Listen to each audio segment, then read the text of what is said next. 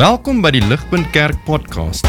As Ligpunt Gemeente is dit ons begeerte om God te verheerlik deur disippels te wees wat disippels maak en 'n kerk te wees wat kerke plant. Geniet hierdie week se preek.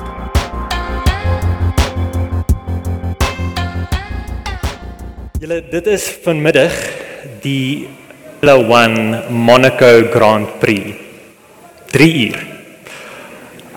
Hou baie van Formula 1 en so as julle wonder waar ek gaan wees 3 uur vanmiddag, ek gaan voor die TV sit en Formula 1 kyk. Dit is 'n fascinerende ehm um, daar's daar's baie vinnige karre. Hulle reis reg oor die wêreld week in en week uit. En die en die sport self is nogals moeilik. Daar's daar's strategie wat gevolg moet word en en ons groot uitdagings wat die drywers veg. Soos wat hulle teen ongelooflike spoed beweeg, ervaar hulle tot en met 6G krag wat op hulle uitwerk. Dit is dis 6 keer hulle uh, gewig waarmee hulle moet deel soos wat hulle 3 km per uur ry. Ehm um, saam met dit, dit is soms so warm in die kar dat hulle aan die einde van die reis 3 kg verloor het in hulle gewig. En ek weet nie wat hulle moet doen as hulle badkamer toe moet gaan net soos daai reis begin het nie. Ai. Ehm um, Wat is die ding wat hulle wat is die ding wat hulle motiveer om week in week uit getgame te wees? Wel dosaglike groot hoeveelheid geld in Formula 1 is daar nie. Elke keer as 'n kar crash is dit so 100 miljoen rand. Saam met dit is daar groot aansien wat hulle kry, soos wat hulle kan sê op my tyd was ek die beste gewees. Ek was die beste in die wêreld. Maar julle anders as wat die Netflix series oor Formula 1 ons wil laat glo, dink ek die normale persoon, die man en vrou in Pretoria, Suid-Afrika, het 'n moeiliker lewe as wat die Form, Formula 1 ouens het. Mens sal nie glo as men ons daai storie kyk nie. Maar ek dink daar is erger dinge in hierdie lewe as om vir jou werk in sirkels rond te ry. En en ek dink daar's erger dinge om hartseer te wees oor as jy wat 19de is in uh in die hoeveel of die volle 20 mense wat in Formula 1 ry. Uh, in hierdie lewe word ons gekonfronteer. Ons word gekonfronteer met moeilike dinge, met met armoede en werkloosheid. En eintlik maar net soos die drywers van Formula 1 word ons gekonfronteer met siekte 'n wêreldwye pandemie wat nog steeds met ons is. Ehm um, en met met die dood. Somstyds dalk meer kere as nie voel die lewe baie deurmekaar. Dit voel soos 'n warrelwind. Dit is moeilik om staande te bly in daardie warrelwind. So die vraag wat ek vanoggend wil hê ons moet nog kyk is wat sal ons in staat stel om getrou te bly in hierdie lewe? Wat sal ons in staat stel onthou wanneer ons nie koppelsterk kan uitmaak van van wat aangaan nie. Hoe hoe bly ons getrou in ons wandel met God in hierdie lewe wanneer hy ver voel? Hoe lyk getrouheid dan nou eintlik? So kom, ons kom vanoggend met daardie vraag na ons teksgedeelte toe wat gelees was vir ons. En ons sien hoe God se woord vir ons daardie vraag antwoord. Ons is in die boek van Genesis En ons kyk vandag saam na die laaste preekreeks uh in die evangelie volgens Josef. Ons maak klaar vandag met die storie. Hierdie reeks was dit baie bemoedigend vir my om te sien hoe hierdie storie van Josef was op my eie ek was baie bemoedig daaroor daaroor en en dit is ongelooflik om te sien hoe hierdie Ou Testament stories baie ryk is, is dit nie? Ons het gesien hoe God in die lewens van Jakob en sy gesin werk deur die leuns, deur die die verkoop na Egipte toe, deur die slawerny, deur die ehm um, vernieling, ons het gesien hoe die familie weer verenig word daar in Egipte. En dat God vir hulle daar voorsien. Dit is waar ons onsself bevind en ons kyk vandag na die laaste die laaste hoofstuk. Ons gaan vanoggend se teksgedeelte uh, opbreek in twee gedeeltes. Uh, het julle julle blaadjies? Kyk, hou dit by die rand en kyk saam met my. Die e die eerste gedeelte wat ons na gaan kyk is van die begin af tot vers 14. En dan saam met daai prentjie, saam met die eerste gedeelte is gaan ons afskep na vers 22 tot 16. En dan die tweede gedeelte waarna ons gaan kyk is daai middelgedeelte vers 15 tot 21. En die rede daarvoor is ek dink hierdie teks is 'n toebroodjie, 'n chiasm noem hulle dit. Ehm um, die begin is baie soortgelyk aan die einde. Dit maak dieselfde punt. En dan het jy hier in die middel vers 15 tot uh, 21 het jy 'n uh, bietjie van 'n ander angle op die storie. En so ons sien in die eerste gedeelte sien ons Jakob op sy sterfbed. Hy gee instruksies van wat moet gebeur nadat hy gesterf het.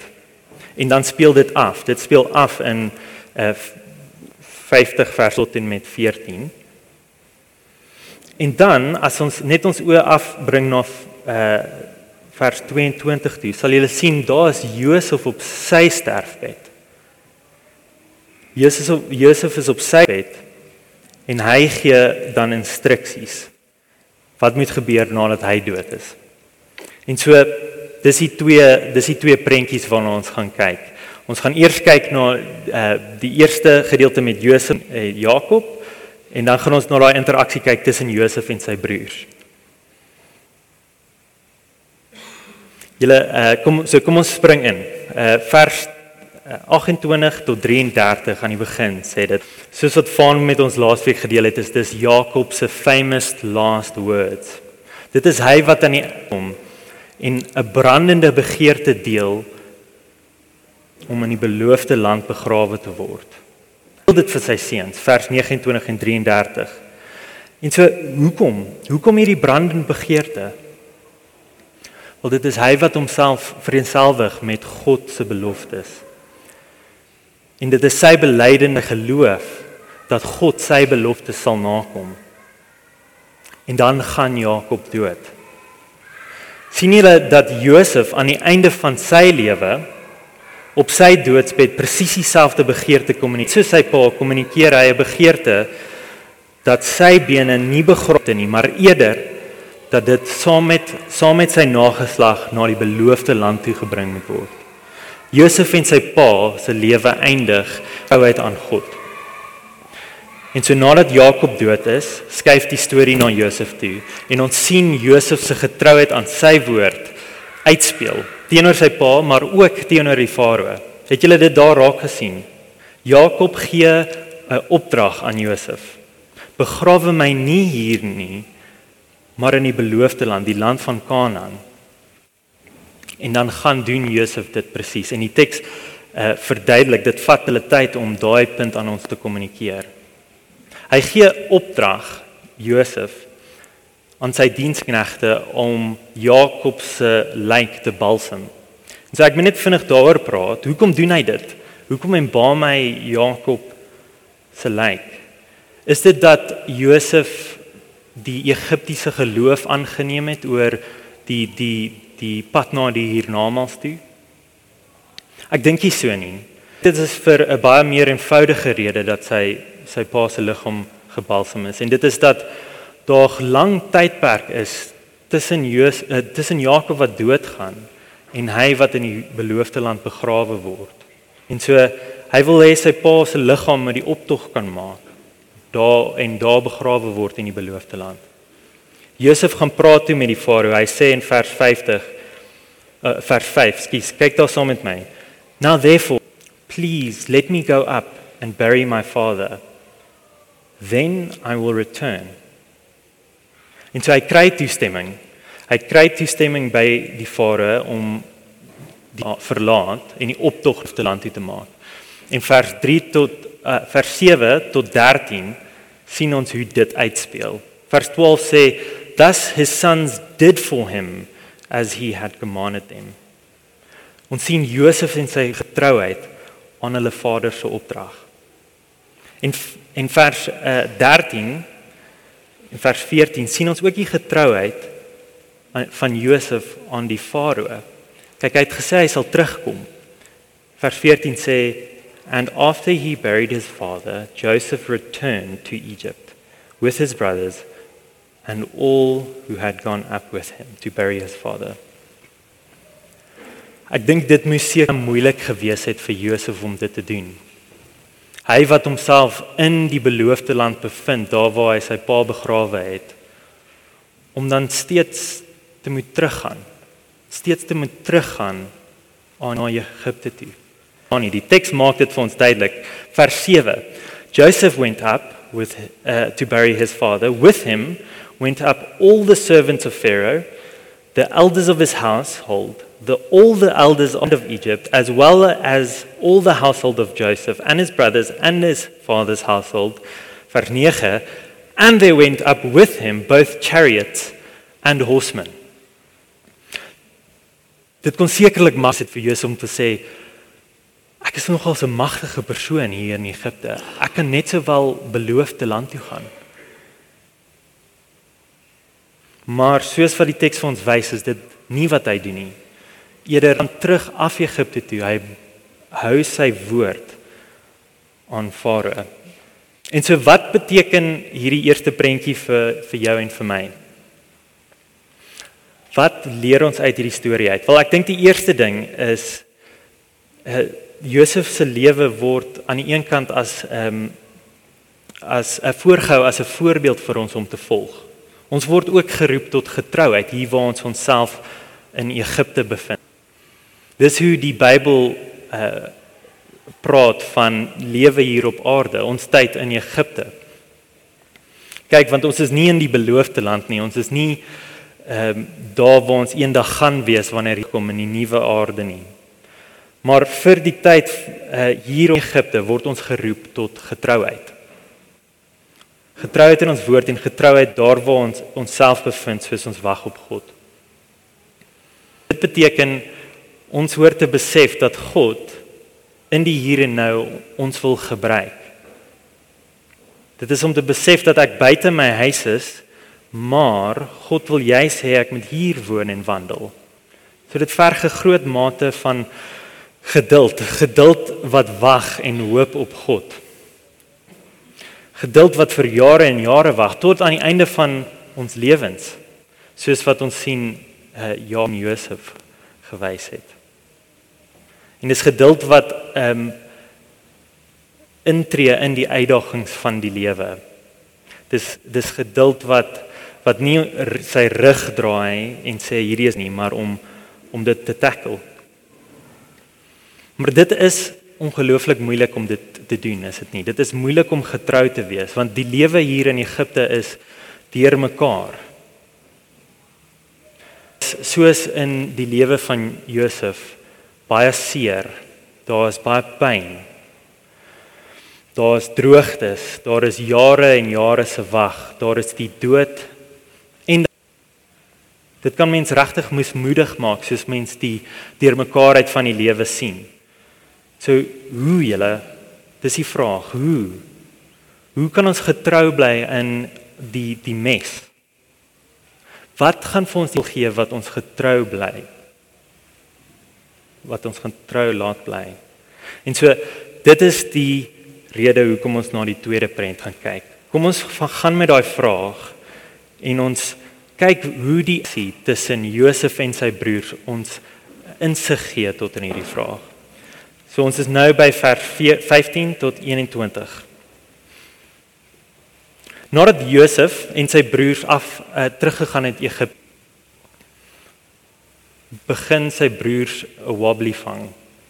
Hulle is bang. Hulle sê hoorie nou dat nou dat Jakob dood is, wat Wat staan in Josef se pad dat hy ons vernietig nie? Hy sekerlik nog kwaad vir ons. Hy het nie regtig ons vergewe vir wat ons gedoen het nie. Dit wat ons gedoen het was baie erg. En so dalk om ons terug te kry vir wat ons En so wat hulle doen is hulle stuur mense om vir Josef Josef 'n boodskap te gee. Hulle gaan nie self nie, hulle is te bang. En wat nog meer, Hulle gaan en ween. Hulle sê: "Hoor Josef, jy het nie hierdie geweet nie, maar jou pa het vir ons gesê om vir jou te sê om ons te vergewe." Saam met dit is daar ook ware berou. Leen is daar ook ware berou. Hulle is eerlik en sê ons het evil gedoen. Ons het evil aan jou gedoen. En so hulle vra vir hom neer. Maar Josef waarmee hulle besig is en hy huil. Ek ek dink hy huil oor oor die feit dat hulle so bang is vir hom. Oor die feit dat hulle oneerlik is en woorde in hulle pa se mond sit. Ek dink hy huil soos hy terugdink aan die kwaad wat hulle aan hom gedoen het. Maar maar meestal die feit dat hulle sy vergifnis wat hy reeds aan hulle gegee het, dat hulle in dit betwyfel. En met dit alles stel Josef hulle nog eenmal gerus. Hy sê vir hulle broers do not be afraid.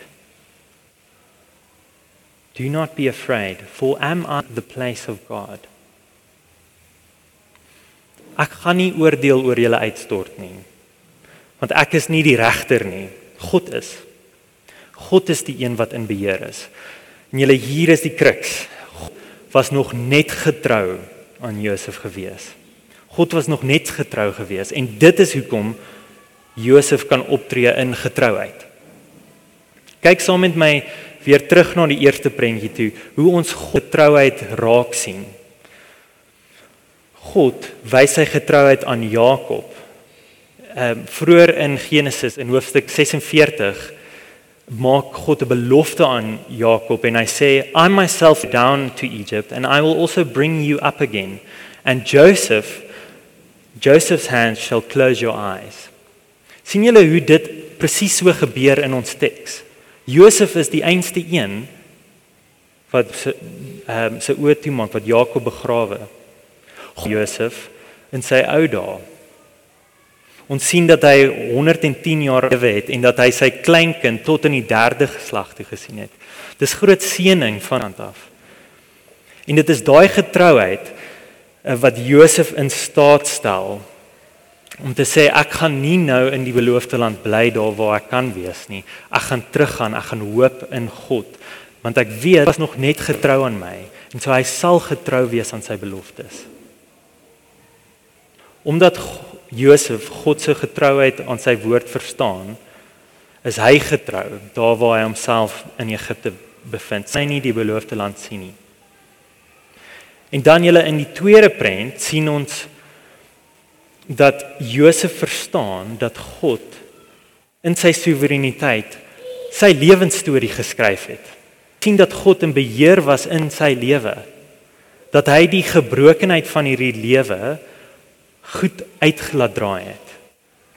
Vers 20. Kyk asseblief saam met my. Dit is ongelooflike woorde. Hoor wat Josef hierso vir sy broers kommunikeer. As for you, you meant evil against me. But God, but God meant it for good, to bring it about that many people should be kept alive as they are today. Dit is 'n ongelooflike uitspraak van geloof. Want ons sien dat Josef begryp hy het van God se perspektief. Hy hy hy sien God is in beheer en hy rus homself daarbey dat God getrou kan wees selfs in die midde van sonde. En dat hy daardie son gebruik. Hy het dit beplan om dit ten goeie te laat uitskiet. Josef sien in sy lewe God se hand soos hy terugkyk op sy pad. Soos hy die sonhaat van sy broers ehm um, sien wat hom Egipte toe gestuur het.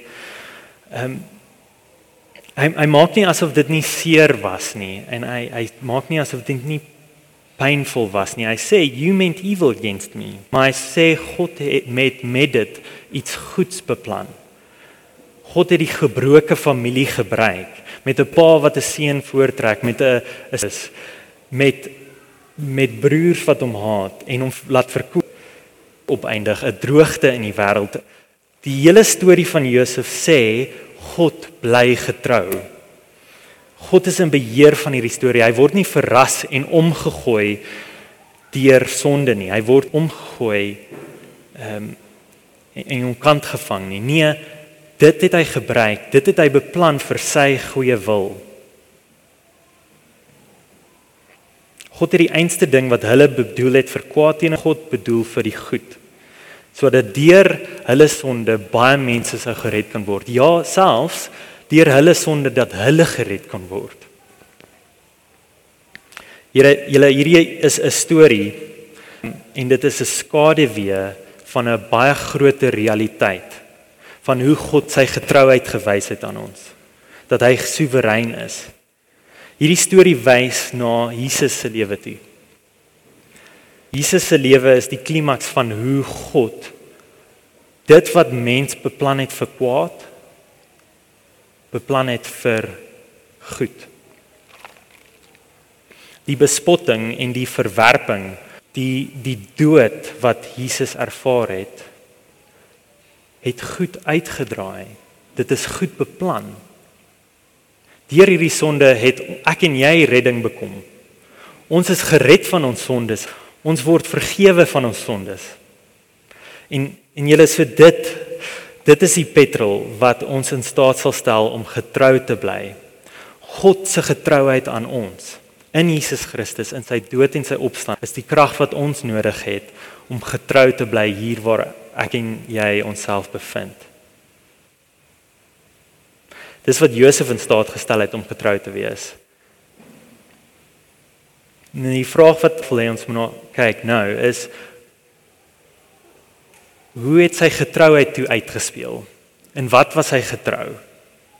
Op watter manier het sy getrouheid uitgespeel? En dit is verhouding met sy broers. Hy kon hulle vergewe.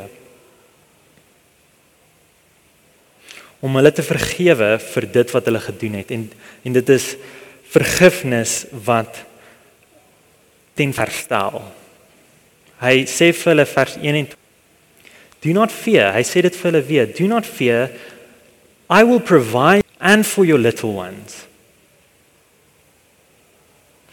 Julle ek dink ons word vanoggend ook aangemoedig tot vergifnis deur hierdie teks. Om vergifnis ehm um, aan ander te te bied op dieselfde manier as wat Josef sy broer vergewe het. Ek en my vrou is besig om deur 'n series te kyk The Mentalist. Ek weet nie hoe baie van julle dit onthou nie. Dis 'n dis 'n kop drama wat gaan oor hierdie konsultant wat wat die help uh misdaad vraagstukke uitfigure. En aan die begin van elke show probeer ek raai wat gaan gebeur. Hoe gaan hierdie storie uitdraai? Ehm um, wat presies en ek en ek ek maak 'n raaiskoot. Ek sê hierdie is wat gaan gebeur. Hierdie is wie dit gedoen het. Ek maak 'n call en ek maak 'n oordeelsbesluit daaroor.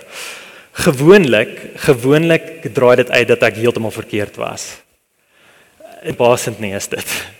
Want want ek het nie al die inligting aan die begin nie. Uh, aan die begin van die program ken ek nie die hele storie nie. Eers eintlik aan die einde van die verhaal sien ons hoe die storie bymekaar getrek word. Die ding hierso is dat ek nie uh, in staat is om 'n uh, 'n regverdige uitspraak te lewer nie, want want ek weet nie waarmee as historieskrywer besig nie. Die teks vanoggend sê vir ons 'n 'n 'n baie harde ding. Jy is besig om 'n regsuitspraak te lewer as jy vergifnis weerhou van iemand. As jy nie iemand vergewe nie, is jy besig om te sê ek is in die rol van 'n regter. Ek is in staat om ten volle 'n reg 'n regverdige uitspraak te lewer in hierdie situasie. Wat Josef ons sê is dis onmoontlik. Dit is om jouself in God se skoene te sit. God is die een wat soewerein is. Hy hy is die een wat goedgesind is. Hy is genadig en hy's ook regverdig. Hy weet presies waarmee hy besig is. En so laat dit oor aan hom. Die manier hoe ons dit lewe, so ons word geroep om te stoei om mense te vergewe. Ons kan is getrou. Hy is soewerein. Hy is besig om 'n goeie storie te skryf. Selfs deur die pyn en die seer. Ons kan dit doen want hy is die regter. Ons kan dit doen want ons is nie in God se plek nie. Ons het nie goddelike goddelike perspektief om te weet wat die regte ding is om uh hierso te doen nie. Plus ons sondig is ons nie. Ons is gefalle en gebroke mense. In ons eie lewens, ons maak foute. God is die regter. En God het dit goed gedink om as regter ons wat in hier trou ons van ons sondes te vergewe en ons van ons sondes te red deur daai kruisdood van Jesus. Julle dit is die petrol wat ons kan om te vergewe. En ons het die hoop dat eendag vir ewig en finaal sonde sal uitgewis word, pyn sal uitgewis word en geregtigheid kan sal geskied. En so ek sluit af met wat sal ons in staat stel om getrou te bly in hierdie lewe soos ons aller allerlande uitdagings beleef en soos die lewe dikwels te mekaar lyk. Die ding wat ons gaan haal is om te verstaan en te erken dat God getrou is en dat hy dit op so tasbare manier vir ons gewys het deur homself aarde toe te kom deur om mens te word deur sy liefde aan my en jou te bewys deur op 'n kruis te sterf En so ek en jy kan in die hier en nou rus in daai wete dat God in beheer is oor ons lewensstories. En dan kan uitsien na 'n ewige toekoms saam met hom. Kom ek bid vir ons.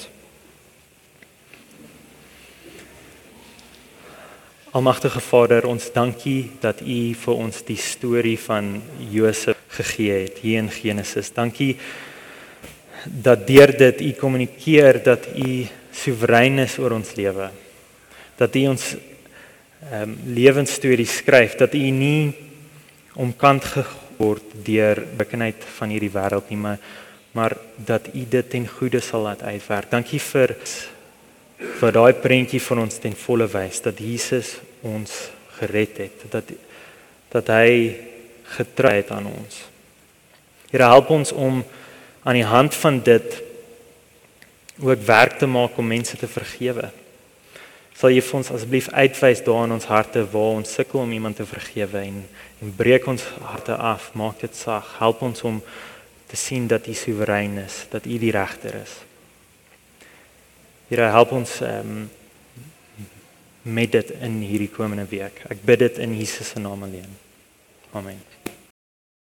Vir meer inligting oor Ligpunt Kerk, besoek gerus ons webwerf op www.ligpunt.com of kontak ons gerus by info@ligpunt.com